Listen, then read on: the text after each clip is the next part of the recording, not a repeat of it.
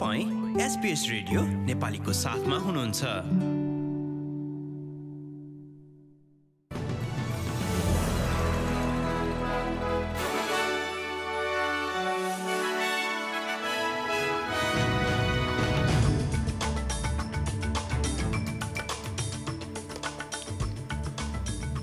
नमस्कार अब बेला भएको छ एसपिएस नेपालीमा आज शुक्रबार दस नोभेम्बर दुई हजार तेइसको अस्ट्रेलियन न्युज फ्ल्यास सुन्ने।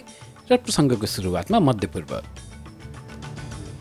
प्रधानमन्त्री एन्थोनी आल्बनिजीले प्यालेस्टाइन नेता महमुद अब्बाससँग हिजो बिहिबार बिहान वार्ता गरेका छन्। आफ्नो वार्ताका क्रममा उनले हमासद्वारा इजरायलमाथि गरेको आक्रमणको निन्दा गर्नुका साथै हाल मध्यपूर्वमा जारी द्वन्द्वका कारण आम नागरिकहरू मारिनुबारे चिन्ता व्यक्त गरेका छन्।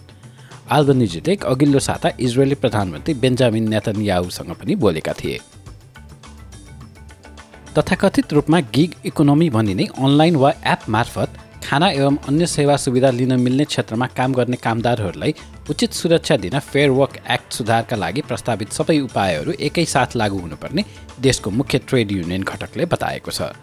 प्रस्तावित सुधारमध्ये सिनेटबाट चार पारित भइसकेका छन् भने प्रतिनिधि सभाले एक सुझाव पास गर्न बाँकी छ तर सरकार एउटा संसदीय सुनवाईको रिपोर्ट आउनु अघि उक्त विधेयक पारित गराउने मनसायमा छैन।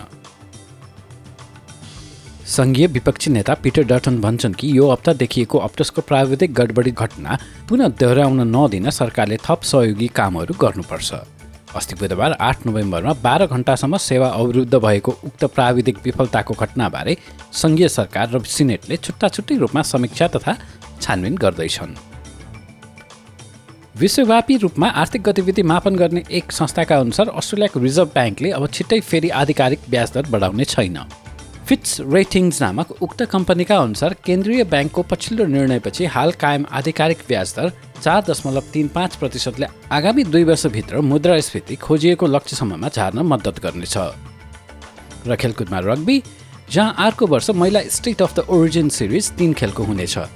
यो वर्ष उक्त प्रतियोगिता केवल दुई खेलहरूको मात्र थियो जसमा न्यू साउथ वेल्स र क्विन्सल्यान्डले एक एकमा जित हासिल गरेका थिए।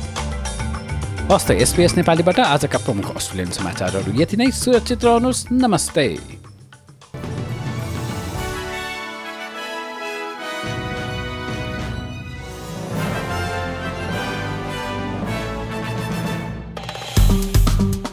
लाइक सेयर र कमेन्ट गर्नुहोस्। एसपिएस नेपालीलाई फेसबुकमा साथ दिनुहोस्।